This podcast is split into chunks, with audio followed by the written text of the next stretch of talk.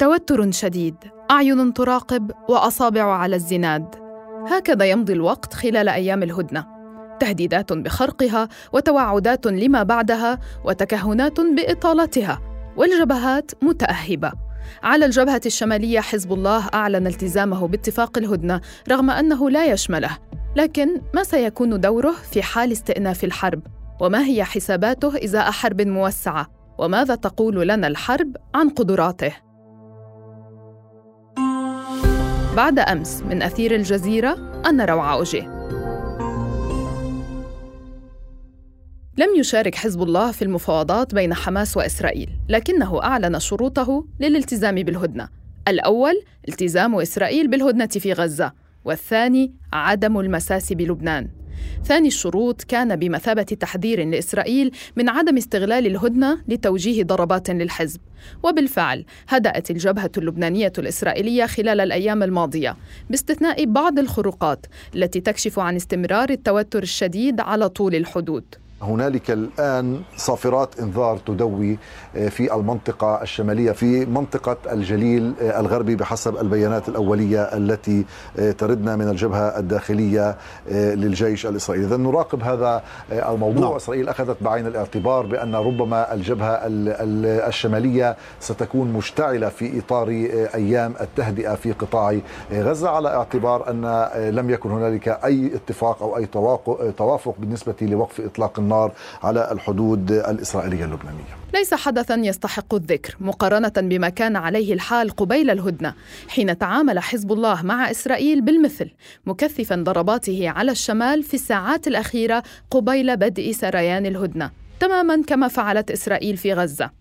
قال حزب الله إنه استهدف موقع رويسات العلم في مزارع شبع المحتلة وحقق إصابات مباشرة. وكان الحزب أعلن تنفيذ عشر عمليات ضد مواقع عسكرية إسرائيلية قبالة الحدود اللبنانية. يوم كان آه، عصيب على طرفي آه، الحدود بمعنى أنه سجل أكبر عدد من عمليات إطلاق الصواريخ من داخل الجنوب اللبناني اتجاه البلدات والكيبوتسات آه، الإسرائيلية على طول خط الحدود. حيث أعلنت إذاعة إذاعة الجيش الإسرائيلي أنه تم إطلاق نحو خمسين صاروخا على مستوطنات الجليل الأعلى وهو القصف الأكبر منذ بداية الحرب. خلال الحرب على غزة قدم حزب الله أرواح عشرات المقاتلين والأمين العام للحزب قدر بأنه أشغل ثلث الجيش الإسرائيلي بعيدا عن غزة. اليوم جبهة لبنان استطاعت أن تجذب ثلث الجيش الإسرائيلي إلى الحدود مع لبنان. وجزء مهم من هذه القوات هي قوات نخبة وقوات نظامية. اثنين نصف القدرات البحرية الإسرائيلية الآن موجودة في البحر المتوسط مقابلنا ومقابل حيفا. ثلاثة ربع القوات الجوية مسخرة باتجاه لبنان. أربعة ما يقارب نصف الدفاع الصاروخي يعني هذا القبة الحديدية والقبة الصاروخية والباتريوت ومشاكل. تقريب النصف موجه باتجاه جبهة لبنان. قريب الثلث من القوات اللوجستية موجهة باتجاه لبنان. لم يصرح الجيش الإسرائيلي بكيفية توزيع قواته عبر الجبهات المختلفة لكن قدرت عدة تقارير في الصحافة الغربية استنفار أكثر من مئة ألف جندي إسرائيلي على الجبهة الشمالية. ومع ذلك اختلفت الآراء حول أداء حزب الله وتقييم وزن مشاركته خصوصا مع تعالي الكثير من الأصوات حتى من حماس تطالبه بالمزيد. نحن نريد تقريب البعيد والتصاق القريب وليس معنيين بطرح أي سلبيات. نحن نريد الجميع أن يساهم معنا في معركة الشرف وبالقدر الذي يقدرونه وليس بالقدر الذي نأمله. لكن عشية الهدنة وجه الناطق باسم كتائب القسام أبو عبيدة تحية إلى الحزب في إشارة قرأها كثيرون أن الدور لم يكن بقليل. وكذلك إخواننا في لبنان الذين تتصاعد أفعالهم ويحاصرون المحتل من جبهته الشمالية ويربكونه ويدكون حصونه.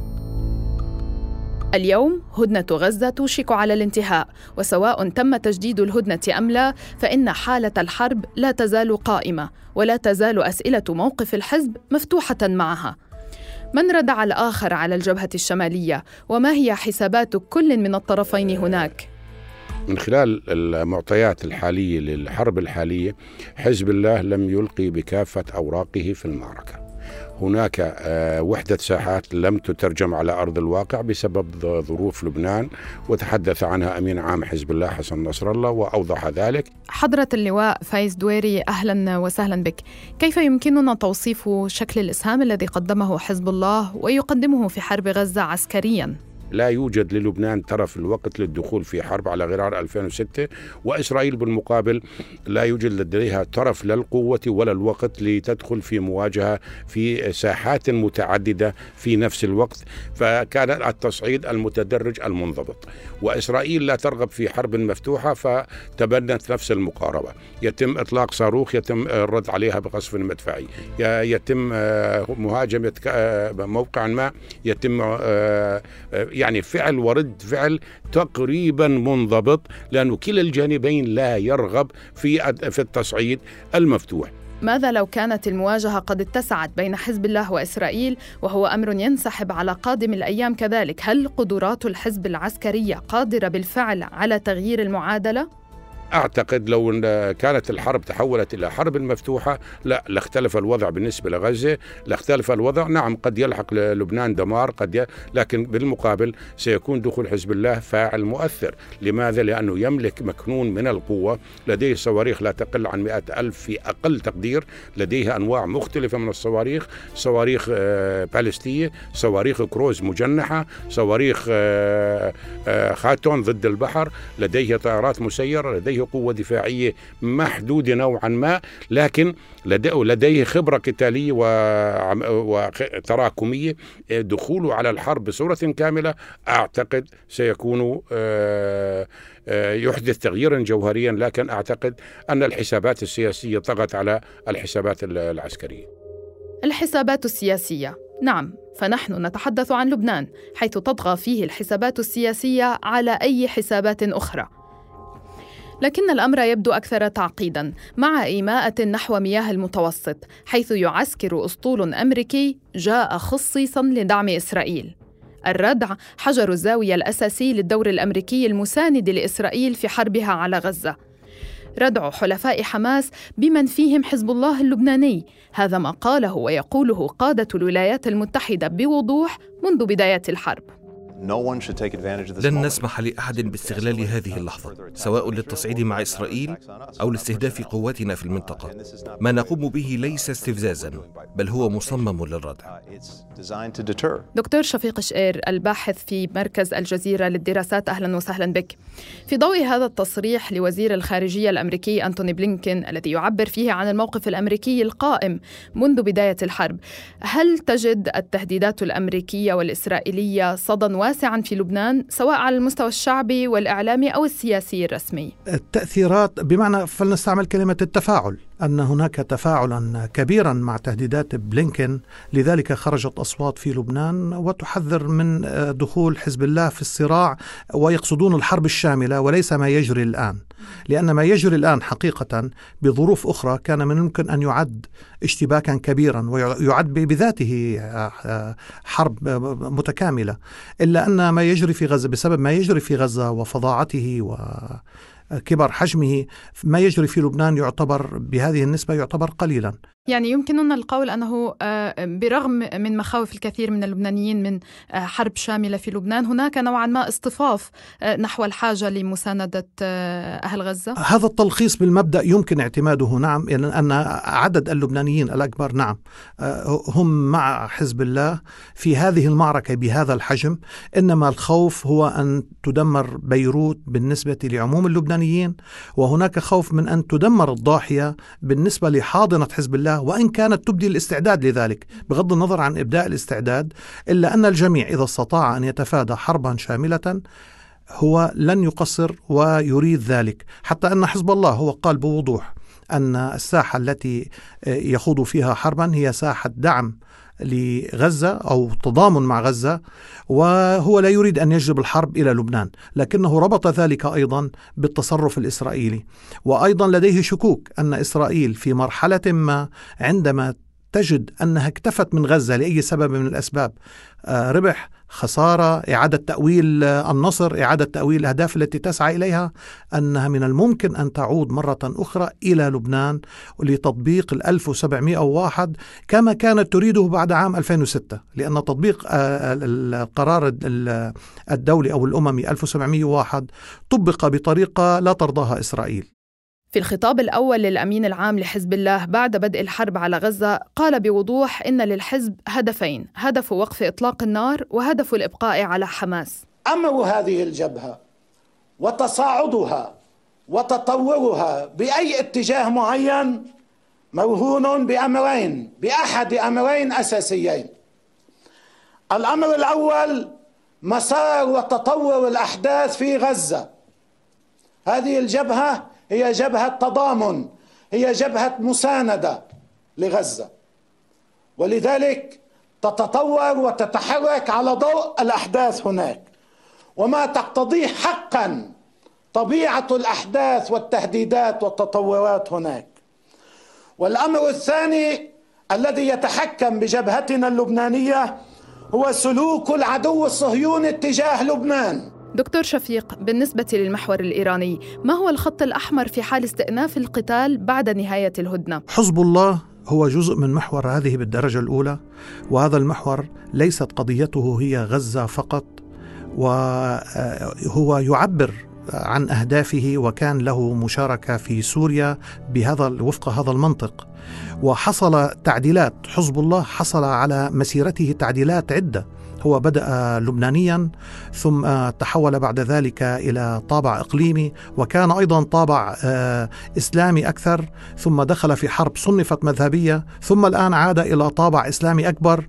فهو لديه من المرونة بحيث تساعده على تغيير مساراته وأهدافه. ولكنه حتى اللحظة هو جزء من محور وأولويته هي هذا المحور وغزة جزء من المحور وتعامل بهذا الاعتبار. فهو بطبيعة الحال لن يهلك نفسه. إذا حتى لو كانت غزة ستذهب لمسار شعب آه، لمسار صعب جدا لكنه أيضا لن يتخلى عن غزة إذا ذهبنا إلى مقولته وما يقوله. ما نتوقعه؟ نعم هناك حرب أعتقد أنها ستشتد أكثر في جنوب لبنان لأن هناك هدف لإسرائيل في جنوب لبنان وحزب الله سيسعى لإفشالها وأيضا ما يتعلق بغزة سيبقى هناك سؤال حول متى يمكن آه، أن تتوسع الجبهة. خاصة إذا وجدنا دولا عربية مستعدة للوقوف مع لبنان.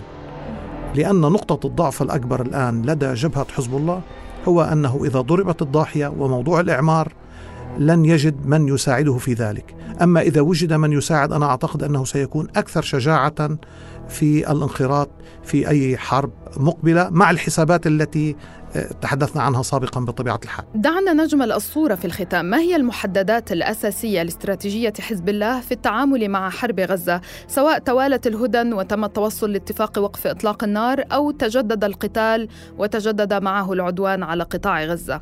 حزب الله بطبيعة الحال هو أول شيء هو لأن لأنه جزء من محور هو يقاتل على أساس هذا المحور.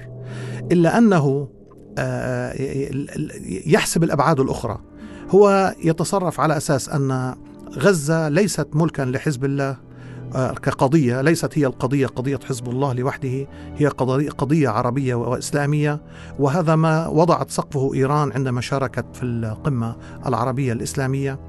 وبهذا الاعتبار هو يسعى لوقف إطلاق النار ويطالب بوقف إطلاق النار. الثالث هو بالنهاية جزء من الوضع اللبناني كما سبق وأشرت. فلذلك سيبقى لديه حسابات لبنانية متصلة ببندقيته. هو مقاومة كما يصنف نفسه ولا يريد أيضا التخلي عن سلاحه.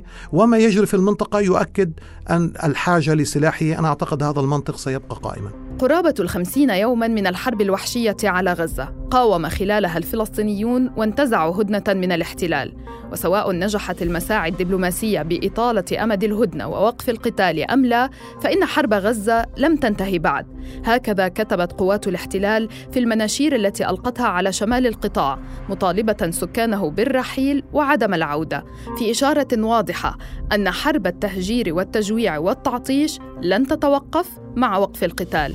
فما هو الدور الذي ستلعبه المقاومة؟ على الجبهات المختلفة في الأيام القادمة؟ بعد أمس من أثير الجزيرة. تابعونا عبر كافة منصات البودكاست وأرسلوا لنا أسئلتكم ومقترحاتكم في التعليقات وعبر حسابات أثير على مواقع التواصل الاجتماعي. دمتم بخير ونلتقي بعد أمس.